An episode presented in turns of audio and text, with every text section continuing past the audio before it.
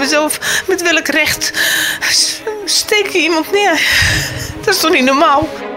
Toen werd er geroepen, er wordt geschoten, er wordt geschoten. Bizar. Echt ziek. Of je bent extreem haatdragend of uh, je bent gewoon koekoek. Ja, toen zag ik dat ze allemaal steekwonden had en uh, dat er een paar ook in de tuin lagen. En uh, een klein kind stond te huilen. Het was echt verschrikkelijk. Dit zijn de reacties op twee recente vrouwenmoorden. Je luistert naar aflevering 5 van de podcast Vrouwenmoord. In deze aflevering praat ik in de studio met experts op het gebied van femicide. In Nederland wordt gemiddeld iedere acht dagen een vrouw vermoord. Zes op de tien door een echtgenoot, vriend of ex. De politie is bezig met een massale klopjacht op de dader van de schietpartij in Zwijndrecht.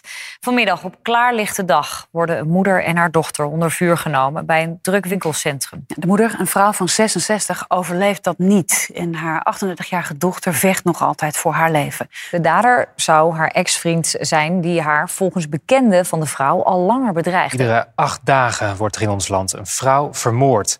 Bijna altijd is het haar partner of ex die dat op zijn geweten heeft. Maar achter iedere vrouwenmoord zit een verhaal. Zoals bij de dodelijke steekpartij gisteren in Delft. Waar drie mensen zijn neergestoken voor de ogen van hun buren. Een 33-jarige vrouw overleefde de aanval niet. Twee anderen, vermoedelijk haar ouders, raakten zwaar gewond. Volgens buurtbewoners is de aangehouden verdachte de ex van het slachtoffer. Ja, dit zijn twee zaken die de afgelopen tijd zijn gebeurd. Uh, Judith Kuipers, Landelijk Netwerk Veilig Thuis. Als je dit nou hoort, wat denk je dan? Dan uh, hoor ik vooral dat we nog ontzettend veel te doen hebben om dit nog beter te kunnen voorkomen. Ondanks dat er al heel wat acties zijn uitgezet de afgelopen jaren. Wat zeggen jullie? Wendy van Egmond, slachtofferadvocaat. Ja, ik, ik schrik ervan eigenlijk. Denk je uh, alweer, hoe kan dat nou? Waarom gebeurt dit nog steeds? Wat had, ik vraag me ook gelijk af, wat voor meldingen zijn hier aan vooraf gegaan? Waren er al meldingen? Hadden we dit kunnen voorkomen? Um, hoe lang moet dit nog doorgaan? Zo'n Mutleur, PvdA, Tweede Kamerlid. Kippenvel. Dat is eigenlijk uh, in één woord wat ik voelde toen ik uh, de dames uh, en de slachtoffers in kwestie hoorde. en dan realiseer je, we hebben het niet vaak over femicide. En wat mij betreft uh, moet dat ook op de politieke agenda uh, hoog, uh, hoog staan. En we moeten daar veel meer prioriteit aan geven. En ook het een beetje bij de naam noemen. Het gaat om vrouwenmoord. Het gaat om femicide. En dat is cultuuroverstijgend. En het overkomt helaas te veel vrouwen in Nederland. Nederland staat verhoudingsgewijs hoog in de top 3 in Europa als het gaat om femicide. Hè? Ieder jaar sterven hier 40 tot 50 vrouwen aan vrouwenmoord. ja, Waarom zet jij je eigenlijk in voor de bestrijding van femicide, Sangul? Eén, omdat ik een feminist ben. Um, um, en twee, omdat ik vind dat we te allen tijden op moeten blijven komen voor vrouwenrechten. En je zegt net terecht, wij scoren zelfs uh, slechter dan uh, een land als Spanje, dat uh, 2,5 keer groter is dan wij. terwijl wij een, een best ontwikkeld land zijn. Um, en ik vind dat we daar dat heel slecht doen.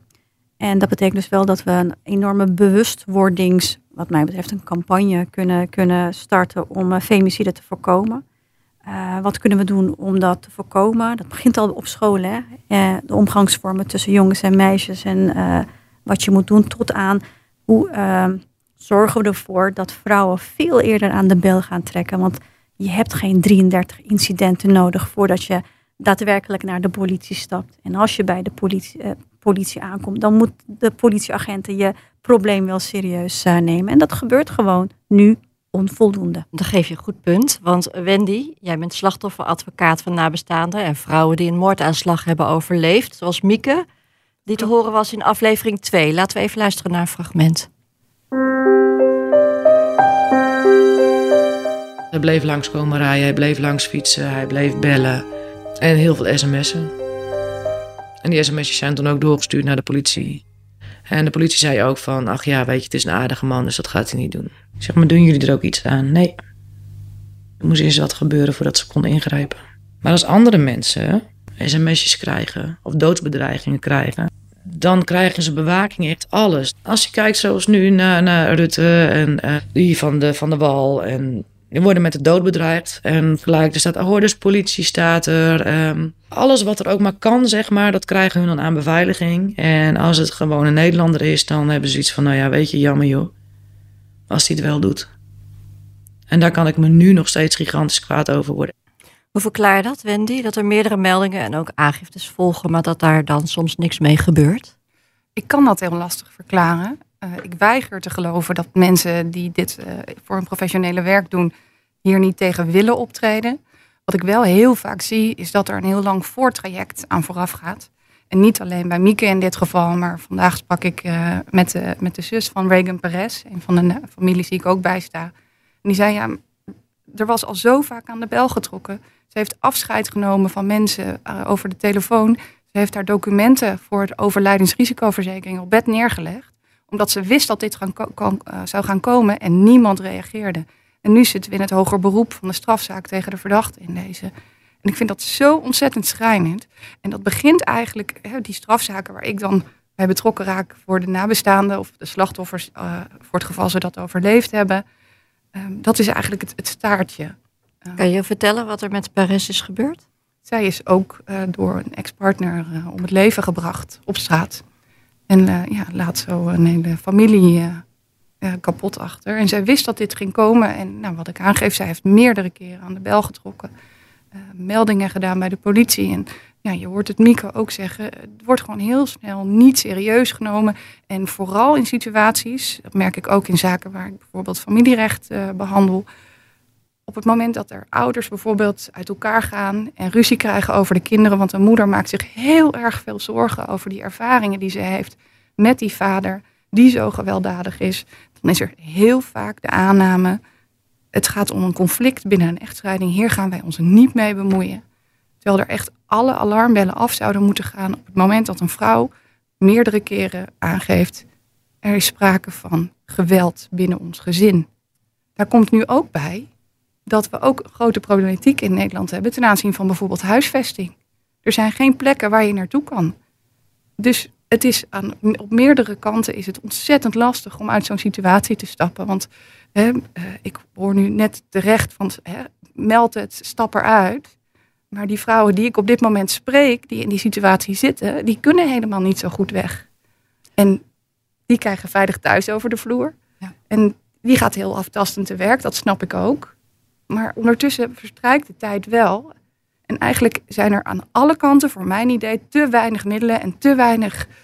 ehm, de inzet van de mensen is er wel, maar er is te weinig capaciteit om dit daadwerkelijk op te lossen. Daar waar het nodig is in het voortraject. En dus niet in die strafzaken waar ik die mensen tegenkom. Ja, want ook als politie en Veilig Thuis op de hoogte zijn, kan het dus nog uit de hand lopen. Eind december was er een vrouw in Rotterdam, die is in het bijzijn van haar twee kinderen vermoord. Eh, zij kwam net uit een blijf van mijn lijfhuis, eh, opvang. Ehm, ja, hoe kan dat dan toch gebeuren? Kan je dat vertellen, Judith van Veilig Thuis? Ja, nou wat je, eh, wat je ziet is dat het inderdaad vaak, zoals je zelf al schetst, heel complex is. Hè. Er gaat heel vaak van alles aan vooraf, wat lang niet altijd ook iedereen weet. Hè. Soms is het ook niet bekend en weten we nog niet wat er gebeurt. En je ziet in die situaties vaak, ehm, ik, ik eh, hoorde net eh, ook benoemd worden van ehm, eh, een vrouw die weg moet gaan. Terwijl we ook weten op het moment dat dat gebeurt, dat dat juist extra risico, Risico. kan geven. Dus op het moment, hè, we zien vaak bij dit type plegers dat er een enorme controledwang is bij, bij deze mannen. En zo gauw als zij mogelijk die controle gaan verliezen en die vrouw uit het oog verliezen, gaat het risico alleen maar meer toenemen. En ik vind het ontzettend belangrijk, en wat we vanuit Veilig Thuis ook steeds benoemen, is probeer echt dat zorg en dat strafstuk veel meer bij elkaar te brengen. Nu heb ik de indruk dat we het soms nog te veel met eh, zorg, zeg maar, proberen te veranderen, de situatie. Terwijl de combinatie met de strafkant ontzettend essentieel is om een bepaalde mate van veiligheid eh, eh, te realiseren. En ik vind ook dat we dit moeten gaan zien als een high impact crime. Want dat is het feitelijk echt. En niet meer moeten hebben over er speelde geweld in een afhankelijkheidsrelatie. Ja, wat je zegt, dat is ook wel een punt. Hè? Het, het risico wat die vrouwen lopen als ze bijvoorbeeld weggaan. Eh, in aflevering 1 hadden we Eva Veerman. Die wilde haar relatie verbreken. Laten we even luisteren naar een fragment.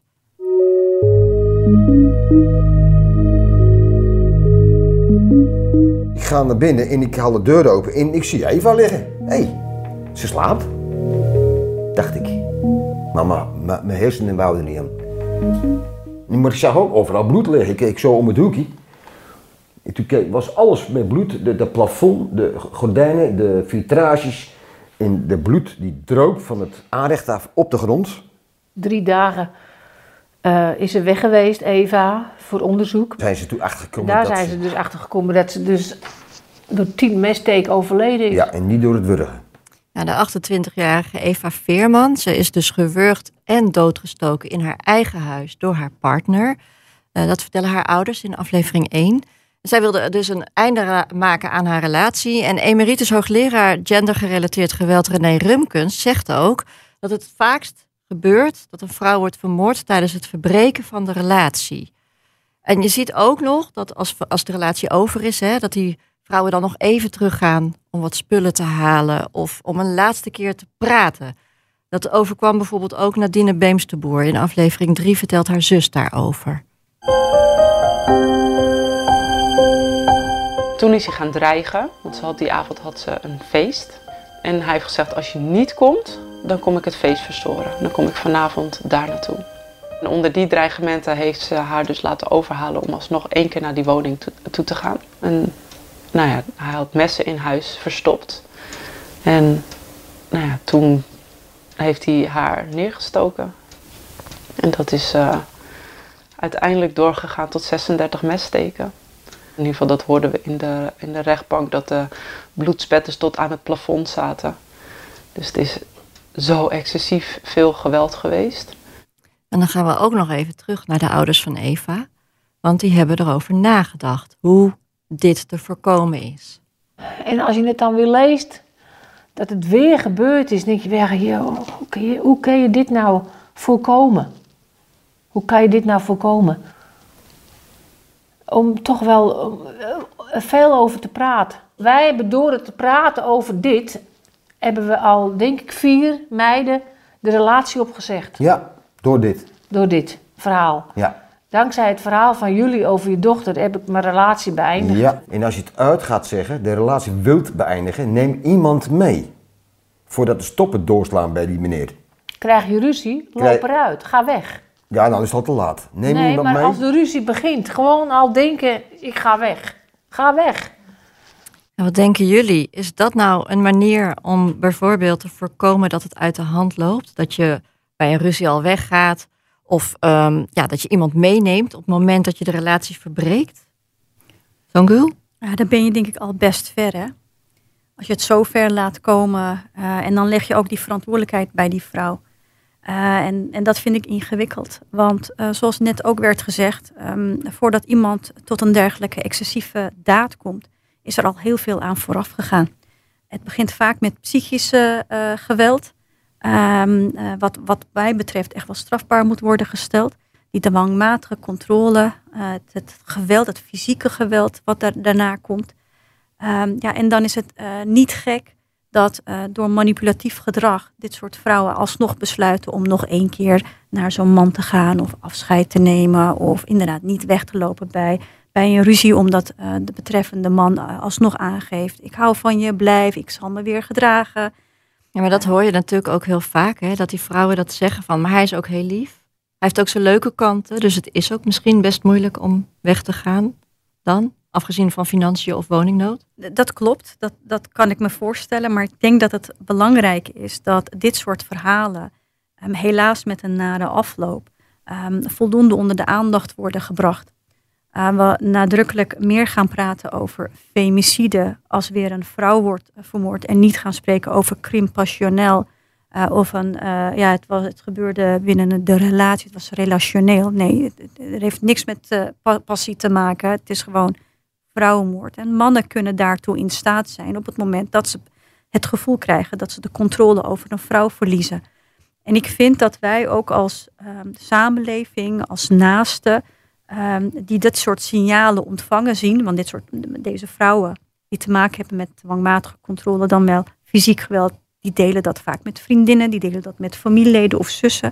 Nou, op dat moment moet, moeten ook, uh, de, moet ook de omgeving heel alert zijn op die signalen.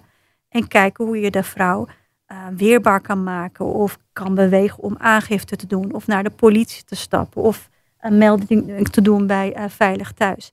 Want dan kan het gaan rollen. Met andere woorden, dit soort dingen moeten we serieus nemen. Doen we dat niet en helpen we die vrouwen niet op dat moment om dat meer serieus op te pakken, dan kan het helaas, zoals we dat ook nu in de praktijk hebben gezien, misgaan. En dat moeten we zien te voorkomen. Ik merk het is wel toch dat vaak... ik moeite heb met wat je zegt. Ik ben het heel groot deel met je eens.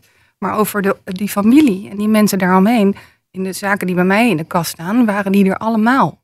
En zijn die, eh, hebben die geprobeerd om in de bres te springen, hebben die geprobeerd om dat contact te leggen. Maar een van de belangrijkste onderdelen van vaak die, die moeilijke relaties, is dat een vrouw geïsoleerd uh, wordt uh, door de partner. En vervreemd raakt van haar familie of van haar vriendinnen. Dat ze juist heel alleen is. Dus dan is er eigenlijk ook een heel belangrijk ja, deel weggelegd voor huisartsen of voor professionals in andere zin. Of dat er inloophuizen zijn. En dat is natuurlijk ook ingewikkeld. Maar ik, vind het, ik merk dat, het, dat ik denk, ja, maar ze, ze waren er. Die mensen die hebben dat geprobeerd. Dat kan, dat kan je niet.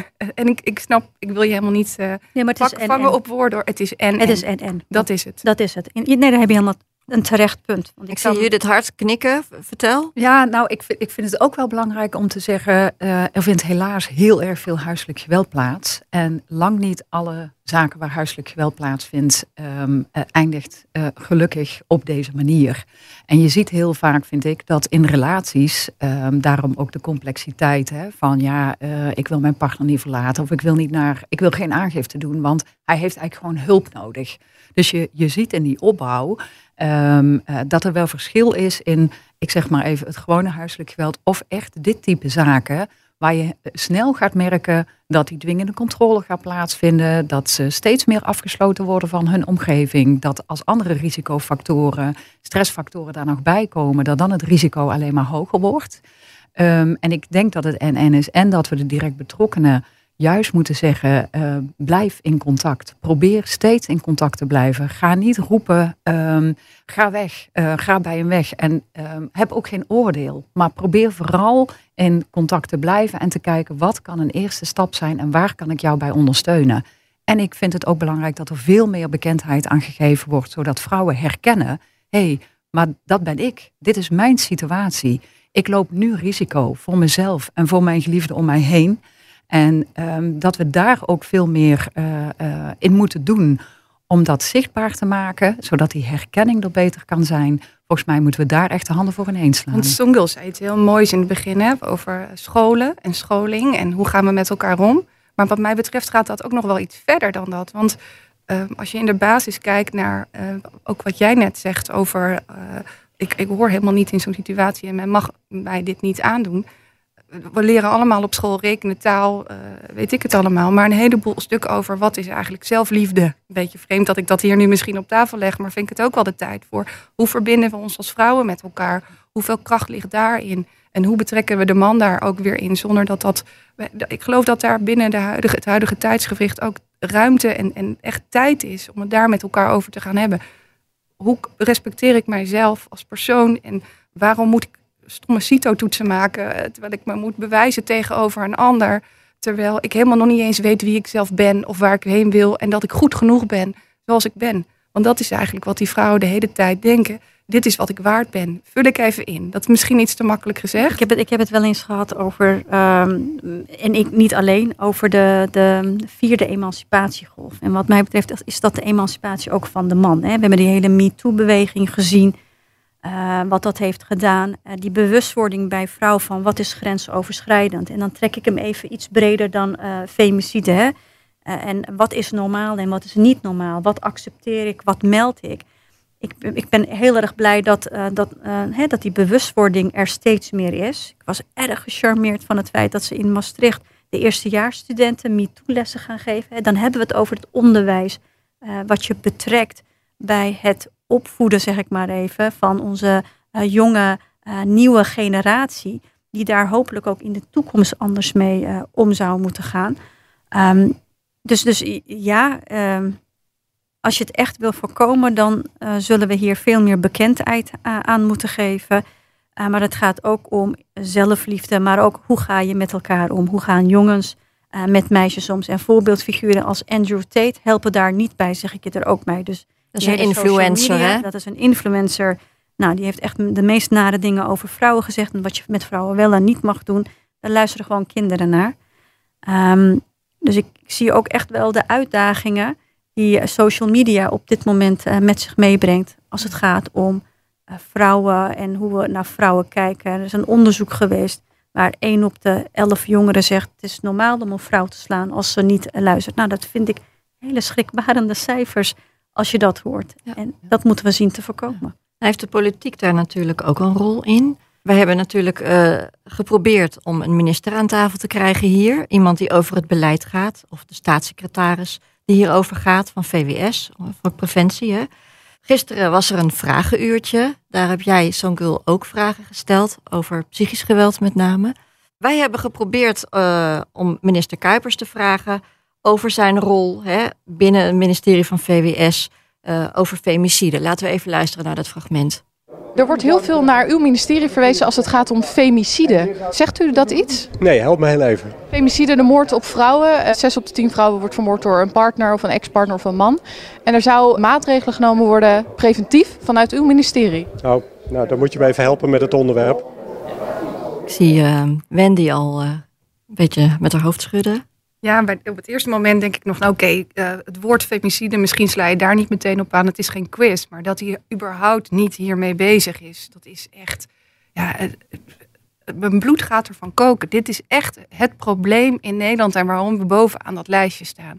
Want degene die het op dit moment voor het zeggen hebben en het iets aan kunnen doen, die kunnen zorgen dat de instanties waar je terecht kan daadwerkelijk die slagkracht hebben die heeft niet eens een idee waar je het over heeft. Ja, dan zijn we toch uitgepraat. Dus en dan, als ik daar dan weer over na dan denk, dan denk ik, ja, vrouwen, lieve vrouwen van Nederland, dit kan zo toch niet langer. Waarom moeten we hier, moeten we hier niet met elkaar voor opstaan? Moeten we niet zeggen, eh, ja, sisters, we gaan dit niet meer, niet meer pikken. We gaan de straten op. We zorgen dat dit geregeld wordt, want, of afgedwongen wordt. Want ik word hier echt, nou, ook verdrietig van. Ja, als je een- Johan Veerman hoort praten over zijn dochter in de eerdere podcast en een Mieke hoort vertellen wat ze heeft moeten meemaken. En dag na dag na dag komen die dossiers bij mij op mijn, bureau. En dat is niet erg, hè, dat is, ik ben daar niet, eh, je hoeft geen medelijden te hebben met mij, daar gaat het me helemaal niet om. Maar er is zo ontzettend veel en er zijn zoveel vrouwen die nu ook merken. Ik heb dit altijd fragment ook al eerder op tv gezien. Wat doet dat met je op het moment dat je een vrouw bent in deze situatie? Vorige maand had ik een zitting bij, het open, bij, de, bij de rechtbank in Noord-Holland. Wordt er zes jaar gevangenisstraf geëist voor een meneer die zijn eigen echtgenote heeft, heeft eh, om het leven heeft gebracht, moet ik zeggen. Zes jaar eist het OM. Ga je daar dan dat risico voor lopen als vrouw? Dat je denkt van oeh, ik weet nu dat het gevaarlijk is om die relatie te verbreken. Hij is ontzettend gewelddadig. En dan weet ik op het moment dat ik die keuze maak om te gaan en ze, en ze kunnen hem al berechten, dan wordt er zes jaar gevraagd door onze eigen overheid. Ik Ja. krijg het niet uitgelegd. Dan zal ik je even het fragment laten horen van jouw cliënt Mieke. Want die heeft daar ook iets over gezegd. Over de straf die haar ex heeft gekregen omdat hij heeft geprobeerd haar te wurgen. Ik snapte er echt helemaal niks van. Echt, ik begrijp, en ik begrijp het ook nog steeds niet. Want als je eigenlijk kijkt in het, in het rapport, zeg maar, ehm, staat er ook echt dat hij eh, opzettelijk mijn halsslagaders dichtgeknepen heeft. Omdat hij weet dat ik geen zuurstof dan in mijn hersenen zou hebben. En dan is het geen poging tot moord. Tot doodslag, hoe ze het noemen. Dan is het gewoon zware mishandeling. Dan denk ik, hij geeft zelf toe. Waar zijn we mee bezig hier? Mijn kinderen zijn nu nog steeds bang voor hun eigen vader. Die gewoon weer losloopt. Dat moet toch niet kunnen hier in Nederland? Nou, zij is, precies wat jij zegt, zij is verbijsterd over hoe zo iemand dan gestraft wordt. Hè. Het is een mishandeling. Terwijl ze een, ter nauwe nood een moordaanslag heeft overleefd. Zou bijvoorbeeld een andere strafmaat of een specifieke aanvulling van femicide in de wetgeving, zou dat bijvoorbeeld kunnen helpen? Songul? Ja, we hebben daar eh, vorig jaar eh, schriftelijke vragen over ingediend eh, ehm, richting de minister. En het antwoord was dat, want ook wij hebben de suggestie gedaan, zou je juist omdat femicide, femicide vaak voorkomt en eh, direct gerelateerd is ook aan het vrouw zijn. Hè? Je bent vrouw en je wordt door je ex-partner of je, door je partner gedood, eh, bedreigd, eh, mishandeld. Maar bij in geval van femicide hebben we gezegd, zou er dan dus niet een aparte bepaling moeten komen in het wetboek. Met een wat hogere straf. Want nu schaar je hem onder doodslag of moord. En het antwoord was doodleuk. Nee, dat hoeft niet. Nou, dat, dat is al goed um, um, nee, ondervangen uh, vanuit de wet. Dezelfde poging hebben wij ook ondernomen voor psychisch geweld. Daar hadden we eerder um, een motie voor ingediend om onderzoek te doen of we dat strafbaar kunnen stellen. En het onderzoek luidde, dat hoeft niet per se, want je zou hem kunnen laten vallen onder de huidige strafbepaling. Maar misschien moeten we toch kijken naar internationaal rechtsvergelijkend onderzoek. En dan zie je weer een minister zeggen, nou we doen al voldoende. En hè, we gaan kijken hoe we beter samen kunnen werken met Veilig Thuis. En die ketenpartners elkaar beter kunnen vinden. Hartstikke leuke uh, ambtelijke uh, taal. Maar uiteindelijk gaat het ook om normering. laten zien dat wij femicide onacceptabel vinden. En hoe gaaf zou het zijn, bedenk ik me nu, als wij straks wel een voorstel maken om femicide apart strafbaar te stellen, om psychisch geweld apart strafbaar te stellen en alle vrouwelijke Kamerleden die mede ondertekenen, om op die manier te laten zien, jongens, dit pikken we niet meer uh, en dit is gewoon een uh, serieus onderwerp. Ik denk dat dat nog een, misschien een stap te ver is, maar dat houdt, weerhoudt mij in ieder geval niet om, om aan de bel te blijven trekken en om ons geluid, mijn geluid, samen met andere collega's te laten horen. Want uh, ja, je merkt ook bij de beantwoording bij het vragenuurtje. Overigens had ik plaatsvervangende schaamte dat de minister femicide niet herkende. Ik vind dat echt ja, onbeschrijfelijk. Maar dat ook onze vrouwelijke minister van Justitie daar ook met gemak overheen ging. En, en ook niet aangaf van, nou, dat ga ik oppakken. We gaan haar even laten horen. Minister Jesselgus is geïnterviewd door mijn politieke collega Sam Hagens. Als u ziet dat de cijfers van femicide constant blijven, vindt u dan dat de overheid er alles aan doet om vrouwen te beschermen tegen geweld? Ik vind dat we met z'n allen er alles aan moeten doen. U als buurman moet ook opletten in uw omgeving. Kan ik ergens aan de bel trekken? Gebeurt er iets wat ik bijvoorbeeld kan zien? Tot en met justitie en uh, veiligheid. En ik vind eerlijk gezegd dat we alles op alles zetten. En ik ben het volledig met u eens dat elk slachtoffer één te veel is. Maar hoe kan het dat het niet wordt opgelost? Dat, er geen, dat de cijfers niet omlaag gaan? Omdat het een complexe aanpak is, omdat je moet inzoomen waar begint het. Als het gaat over stalking, hebben we na de vreselijke moord op Humera een heleboel verbetermaatregelen ingericht als het gaat over de aanpak van stalking. Bijvoorbeeld dat de partijen die daarmee te maken hebben op het juiste moment de goede informatie met elkaar kunnen delen. Um, en dan gaan we niet denken, nou dan hebben we dat gedaan. Uh, de inspectie doet nu weer onderzoek naar die aanpak en alles wat we daarvan weer kunnen leren zal worden ingezet. U noemt allerlei maatregelen. We zeggen we, we pakken stalking aan, we pakken het op, een, op allerlei ja. vlakken aan, maar het heeft toch geen effect, toch? Die conclusie kunnen we trekken. Ik vind echt dat u iets plat slaat wat niet plat te slaan is. En ik vind dat u daarmee problemen echt tekort doet. Ik vind dat u de complexiteit van het probleem tekort doet. En ik moet ook eerlijk zijn.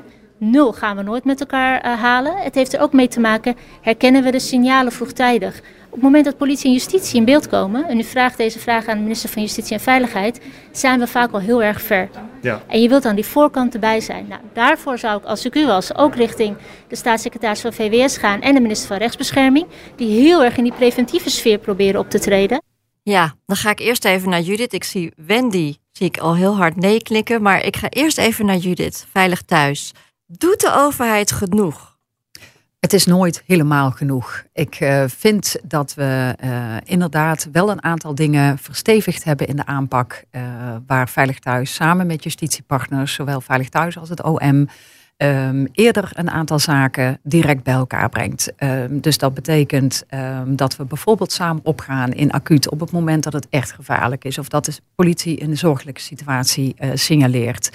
Um, er is een hele lijn uitgezet op de gendersensitieve aanpak. Want dat is ook echt iets wat moet verbeteren. Die gendergelijkheid die is veel te ver doorgevoerd. Dit vraagt om een gendersensitieve aanpak. Wat bedoel je daarmee? Dat er specifiek gekeken wordt naar wat heeft deze man en wat heeft deze vrouw nodig. En dat is een andere aanpak. Dat is niet hetzelfde. Um, dus er zijn een aantal dingen zeker al aangepakt. Ik vind dat we uh, nog uh, meer kunnen doen op uh, het strafrecht van hoe kunnen wij daadwerkelijk ingrijpen.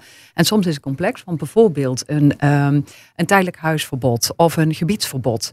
Dat is in dit soort type zaken niet voldoende. Dus er moet meer gebeuren om daadwerkelijk deze vrouwen de veiligheid te kunnen bieden. Maar en hoe kan je dat doen dan? Want je zou denken dat iemand zich daar wel aan houdt aan zo'n gebiedsverbod. Maar hij kan gewoon die straat inlopen natuurlijk. Ja, daar zit een heel groot risico in dat dat kan. En er zijn nu een aantal pilots waar bijvoorbeeld ook een enkelband bij de pleger geplaatst wordt. En de vrouw een AWR-knop heeft wat aan elkaar gekoppeld zit. Dus we zouden echt de handen in één moeten slaan om nog beter te kijken naar welke maatregelen kunnen we inzetten. Maar daar hebben we zowel VWS als justitie voor nodig. Die AWR-knop, daar ga ik zo nog wel even op terugkomen. Want ik wil eerst even aan Wendy vragen waarom je nou de hele tijd nee zat te schudden. Nou, omdat ik me de hele tijd zit te bedenken dat ik zeker als vrouw en als vertegenwoordiger van een heleboel vrouwen uh, vanuit mijn vakgebied, gewoon eigenlijk niet, uh, het niet acceptabel vind dat ik in een land leef waar een minister kan zeggen, oh, nou, het, het, het, ah, het hoort niet helemaal bij ons. Als je in het strafrecht terechtkomt, ja, dan is het al te laat. Ja, maar zelfs in het strafrecht gebeurt niks. De politie stuurt je weer weg. En misschien niet altijd, maar 9 van de 10 keer wel. En waarom? Omdat ze, omdat ze niet de tijd en de capaciteit hebben om überhaupt zaken op te pakken. Of er is geen bewijs, wordt ook gezegd. Er is niet genoeg bewijs. Maar dan moet je eens een keer goed gaan zitten en luisteren naar deze vrouwen. En, begin, en als uitgangspunt nemen dat wat zij vertellen waarheid is. Dat zij niet een gezin met kinderen heel vaak in gevaar gaan brengen door een onkul verhaal. En ik vind zelfs um, dat de, de situatie op dit moment zo ernstig is. En dat is best een vergaande stelling, maar ik vind zelfs dat je het moet omdraaien en moet zeggen: we geloven ze in de basis wel en daarvan uit gaan we werken. Ook als dat af en toe betekent dat je moet concluderen, hè, dat als je om tafel zit, van nou misschien was het hier niet zo ernstig of heeft deze vrouw het uh, om verkeerde redenen ingezet. 9 van de 10 keer is dat op dit moment niet het geval. En staan er, staan er weer nabestaanden uh, te rouwen om iemand waarvan iedereen achteraf zegt: Jeetje, we hadden eigenlijk de meldingen al liggen, maar we wezen allemaal naar elkaar. En nu moet er weer een strafzaak komen tegen een verdachte. Um, ja, waarvan mevrouw, uh, waarvan de minister dus zegt. Het, is allemaal, het loopt allemaal zo'n vaart niet. En het is allemaal niet zo nodig. Ik wil een minister die, gaat, die opstaat en zegt geen dag langer. En als het niet naar nul gaat, vind ik dat niet acceptabel. En niet voor, bij voorbaat er al van uitgaan dat dat niet haalbaar is. Wat zijn dat voor teksten? Van onze minister.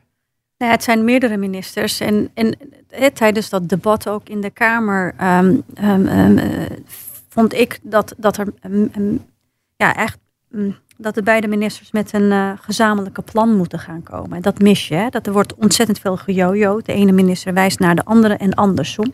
Dus je mist wat integraliteit, je mist samenwerking, je mist dat zorg en veiligheid elkaars taal spreken. En als je dat niet bij elkaar brengt, dan kan er heel veel misgaan. Dus ik, ik zou heel erg willen pleiten, en dat zal ik ook blijven doen, voor één plan, één serieus plan vanuit uh, meerdere ministeries.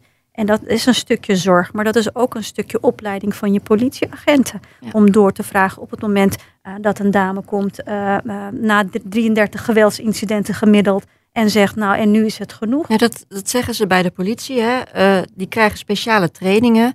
Sinds de moord op Humera hebben ze ook speciale protocollen. Dan kunnen ze ook precies afvinken van hoe hoog is dit risico in te schatten. Daar weet jullie denk ik ook meer over. Um, maar ja, het is natuurlijk, het is wel zo dat het heel complex is. Want de ene zaak is de andere zaak niet. Je kan bedenken van, hè, ik hoor Judith net zeggen van, zorg voor een enkelband. Dat, dat, dat gebeurt ook al. Reclassering is daar volgens mij ook ja. al mee bezig, dat ze dat vaker adviseren. In Engeland bijvoorbeeld kunnen vrouwen het strafblad opvragen van een nieuwe vriend bij de justitie of bij politie. Uh, in Australië was vorige week een actie, daar hebben ze 650 huiselijk geweldplegers opgepakt.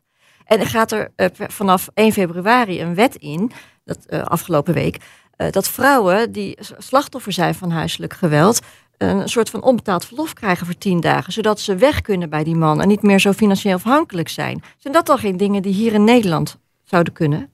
Ja, alles wat helpt uh, zouden we moeten invoeren, maar ik, ik, ik, ken ons, Nederlanders. Dan gaan we het heel erg hebben over privacy, hè, gegevens die, die je niet kan en verstrekken. Want laten we eerlijk zijn, ook in Spanje uh, hebben ze die enkelbanden. Dat op het moment dat je uh, ex-partner of ex-vriend in de buurt is, dat jouw armband gaat rinkelen. en daar zie je ook dat die groep vrouwen ook niet meer um, um, ja, te maken hebben met femicide. Dus het heeft gewoon effect. Ja. Maar ja, voer het dan ook door. Wat ze in Engeland hebben gedaan, dat je dat kan opvragen. Dat is voor Nederlands doen best vergaand.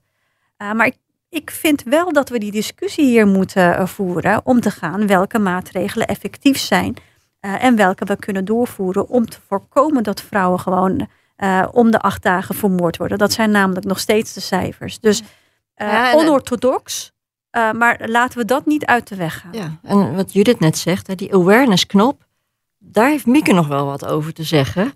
Zodra je die knop ingedrukt hebt, dan ben je al dood voordat de politie er is. Op het moment dat hij mij dus aanviel, had ik mijn telefoon in mijn handen. Maar ik had geen tijd om 112 te bellen. Het ging zo snel. Ik vind het een beetje schijnveiligheid. Tuurlijk, ze weten waar je bent eh, als je op die knop geduwd hebt. Maar eerst gaat er naar de centrale een belletje. Dan gaan ze proberen contact met je te zoeken via het kastje. Dan moet je gaan vertellen wat er aan de hand is. Als je dat al kunt vertellen. Als je niks vertelt, dan sturen ze sowieso eenheden naar je toe. Maar dan ben je dood. En ik vind dat ze hier daar toch wel eens wat aan mogen gaan doen eigenlijk.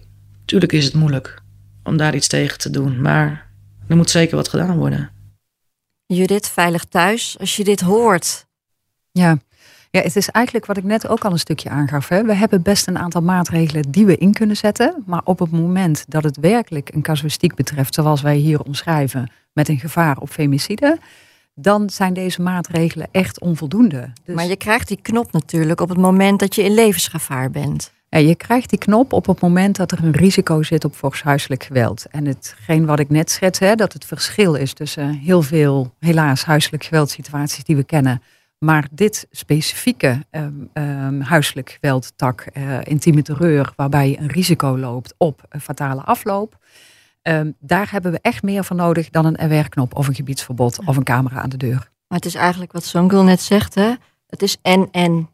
Ja, het is, het is eigenlijk en-en. En ik, ik vind ook dat we voor dat soort zaken juist die handen ineen moeten slaan. Dat we echt moeten zeggen, ga dan eens eventjes echt naar ander type maatregelen kijken. Leer eens van de landen om ons heen. Wat kan ons, hoe kan ons dat verder helpen? En dat vind ik echt dat we veel beter moeten doen. In aflevering 4 vertelt Sandra hoe zij in levensgevaar is omdat haar ex haar wil doodschieten. En ze is verhuisd. Sinds een paar maanden woont ze op een geheim adres ergens in Nederland met haar twee jonge kinderen. Ja, er moet een andere manier zijn. Het kan niet dat iemand die jou dit wil aandoen, ervoor kan zorgen dat ik maar alles moet achterlaten. En ik bedoel, ik heb niks gedaan. Ja, ik heb hem uit huis gezet.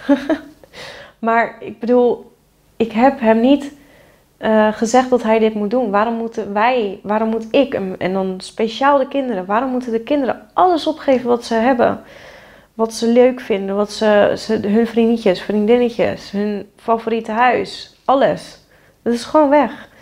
En dat vond ik echt het meest erg. Ik dacht van, er moet toch een andere manier zijn. En nou heeft de teamchef van Veilig Thuis Rotterdam, die ik in deze aflevering heb gesproken, ook een idee hoe je hiermee om kan gaan en vrouwenmoord misschien zou kunnen voorkomen. Ik denk dat daar ook een strafrecht iets mee zal moeten dan. Bij zo'n eerste aangifte, daar moet al hoog ingezet worden met hulpverlening. Dus je hoeft hem niet van mij achter de tralies te zetten, maar die gedwongen verplichte hulpverlening. Net zoals dat als, als je met veel te veel alcohol oprijdt, krijg je ook een cursus die je verplicht moet volgen. Nou, als jij je partner mishandelt, dan moet jij verplicht een, eh, een hulpaanbod gaan accepteren. Doe je dat niet, heeft dat consequenties. Ja, dit is dan die noodkreet van Sandra. Hè? Ik moet verhuizen. Waarom hij niet? Ehm, zou dat iets zijn om dan zo'n dader aan de voorkant misschien al met dwang, misschien via een rechter, verplicht te stellen om zich te laten begeleiden? Ja, want zo'n rechtelijke toetsing blijft wel heel erg belangrijk. Hè? We moeten, het moet wel ook eh, uiteindelijk binnen onze rechtsstaat passen en ook geen, niet een eigen leven gaan leiden in die zin.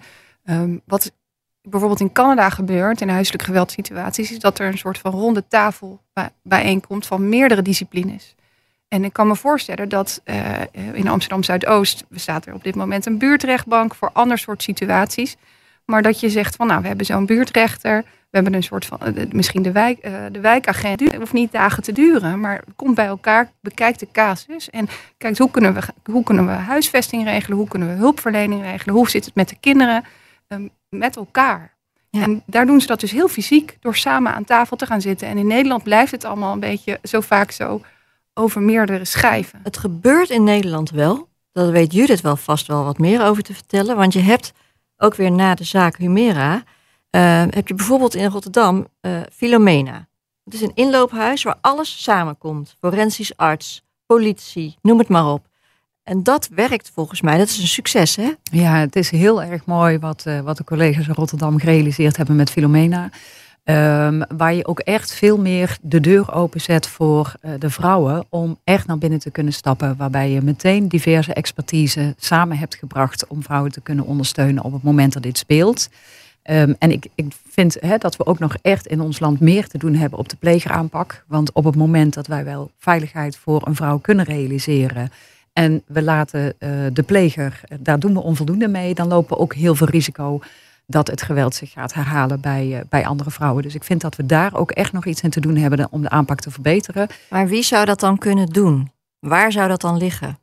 Je ziet op dit moment dat er best ook vanuit de reclassering bijvoorbeeld wel echt trainingen, cursussen zijn, inzet van ervaringsdeskundigen, die vaak uh, toch wel een, een lans kunnen breken bij zo'n pleger om echt het gesprek aan te gaan en om gedrag te veranderen. En je ziet natuurlijk ook vaak dat er andere factoren een rol kunnen spelen, als bijvoorbeeld drank- of drugsgebruik, waardoor je ook andere partners nodig hebt om dat te keren. Ik denk echter, op het moment dat je het echt hebt over de situaties, nogmaals, zoals femicide, dan redden we het niet met hulpverlening voor de dader. Is het überhaupt te voorkomen, denken jullie, femicide? Je zal nooit helemaal femicide kunnen voorkomen. Maar wel elk leven van een vrouw wat we kunnen redden, en dat moeten we gewoon redden. En, en ik vind ook dat we, dat we echt alles moeten aangrijpen. Um, en ik, ik, ik denk, was het eigenlijk wel eens dat, dat, we, dat we niet altijd de vrouwen uh, uit huis moeten plaatsen. Maar dat we nadrukkelijk moeten gaan kijken wat, um, uh, wat, wat, wat er voor die man gedaan moet worden. Hè. Vergis je niet. Um, dat, is, dat zijn vaak ook mannen die zelf uh, geweld hebben ervaren in hun gezin. Die dat weer doorgeven aan hun eigen kinderen, die dat uh, hebben gezien. Hè. Ver, ver, vergis je niet wat dit soort. Uh, het gaat van generatie op generatie over geweld. Um, en ik denk dat die hulp. Naast vergelding en straf, want dat moet je erbij zien. Je kan niet ongestraft weggaan met wat je doet. Maar die hulp, die behandeling, ook voor die kinderen, daar moet veel meer aandacht aan uh, komen die dat meemaken. Want die worden, even in mijn woorden, ook verpest voor de rest van hun leven. Die willen het liefst dat hun ouders gewoon op een normale manier met elkaar omgaan. Fysiek geweld, psychisch geweld, dat raakt hen. Dat nemen ze mee in hun eigen relaties later. Um, en dat zijn denk ik wel zaken die je nu niet moet onderschatten, die je moet oppakken. dus het is. Um, nogmaals, ik pleit voor strafbaarstelling van femicide met een hogere strafmaat. Ik pleit voor nader onderzoek van psychisch geweld en dat eventueel ook opnemen in ons wetboek. Zover zijn we nog niet, maar ik zal echt niet opgeven totdat we dit onderwerp daadwerkelijk een plekje hebben gegeven. Ook op die politieke agenda. Uh, ja, meer prioriteit zeg ik dan. En ja, laat die ministeries alsjeblieft kappen met wie gaat erover en de bal constant naar elkaar toeschuiven en met één plan komen, één aanpak waarbij zorg en veiligheid elkaars taal spreken. Ja, Judith, ik zie jou hard knikken. Ja, absoluut. Ik vind echt dat het veel beter bij elkaar gebracht moet worden. En in aanvulling op alles wat, uh, wat net aangegeven is, vind ik ook echt, het taboe moet eraf. We moeten dit gewoon bespreekbaar kunnen maken. Vrouwen moeten zich gaan herkennen. Die moeten weten waar kan ik terecht. En daarvoor hebben wij echt nog iets te doen, vind ik. En hoe kan je dat bereiken? Nou, door bijvoorbeeld ook campagnes te houden, door te laten zien um, wat gebeurt er op het moment eigenlijk dat je in zo'n situatie zit. Dat vrouwen zich gaan herkennen, dat omstanders gaan herkennen. Hé, hey, ik zie dat uh, mijn vriendin uh, steeds minder contact heeft. Ze gaat ook al niet meer naar de werk. Ze, ze is steeds meer geïsoleerd in haar eigen situatie. Dus de signaalfunctie die wij allemaal hebben hier in, uh, in onze maatschappij en de verantwoordelijkheid die we daarvoor moeten nemen, dat mag echt steviger. Ja. Zeg jij ervan, Wendy? Slachtofferadvocaat? Ja, uh, ik hoop dat mijn eigen vak uh, opgeheven kan worden over een aantal jaar. Dat zal, ook dat zal uh, zo'n vaart niet lopen, vrees ik. Maar de, ja, de, de, de bekendheid hierover ook. Er is in, internationaal zo'n campagne geweest met een handgebaar. Dat je kenbaar kan maken van ik ben in gevaar. Er wordt geweld tegen mij gebruikt. Ik denk niet, als we het woord femicide al niet kennen, denk ik niet dat er veel mensen zijn op straat die, die dat op dit moment zullen herkennen. Ja, weet je, het is ook we zijn die tijden voorbij waarin er de, de voordeuren gesloten bleven. Hè. Ze zijn wel dicht, maar via social media en via het nieuws wereldwijd. En we, hebben zoveel meer kennis over wat er nu gebeurt. We kunnen gewoon niet meer volstaan met het was achter de gesloten deuren en we wisten het niet. We weten het heel goed nu. En nu moeten we zorgen dat we die hand uh, uitreiken. En ook eh, hem ook, ook inzetten, actief die hand, op het moment dat we het idee hebben dat het helemaal misgaat. En eh, ook, ik denk ook, op nu maar op, dat instanties kritisch moeten eh, blijven luisteren. Hè. Ik krijg ook vaak toch te horen van ook Veilig Thuis wilde niet in onze situatie mee. Of de Raad voor de Kinderbescherming wilde niet aannemen dat er sprake was van geweld bij ons thuis zet die knop nu eens om en, en denk eens van wat als dit waar is? Wat zou dat dan betekenen en hoe kunnen we, hoe, ja, hoe kunnen we helpen? En ehm, dan is, begint het bij de basis, hè, bij, bij de wetgeving en bij de strafbaarstelling en bij misschien hogere straffen. Maar ook het, het, besef dat dit een reëel probleem is. En dan, dan, ja, dan draagt een dergelijke podcast daaraan bij. Dan draagt het gesprek daaraan bij. Ik hoop ook heel veel dat mannen hierover gaan praten met elkaar. Hè? Want daar ligt ook een heel belangrijk deel van de oplossing. Ja. ja, volgens mij zijn jullie het er allemaal over eens dat die moordcijfers naar beneden moeten en kunnen. Uiteindelijk moeten dat minder dan 40 tot 45 vrouwen per jaar worden. Hartelijk bedankt voor dit gesprek. Deze podcast is gemaakt door Esther Mondsma. Eindredactie doet Irene Jansen. Productie is in handen van Daniel Bom. De grafische vormgeving is gemaakt door Femke Goudriaan. Dank gaat uit naar Wessel Hagen, panelonderzoeker van Hart van Nederland. Maar vooral naar Wendy van Egmond, Zungul Mutler en Judith Kuipers voor hun deelname aan dit studiogesprek. Wil je na de podcast praten over huiselijk geweld? Dan kan je terecht op de website van Veilig Thuis. Bellen kan 24 uur per dag, gratis, via 0800 2000. De kindertelefoon bel je op 0800 0432. Wil je reageren op de podcast? Mail dan naar hvnlpodcast.talpanetwork.com. Vind je hem de moeite waard? Like hem in onze app en deel de podcast met je vrienden.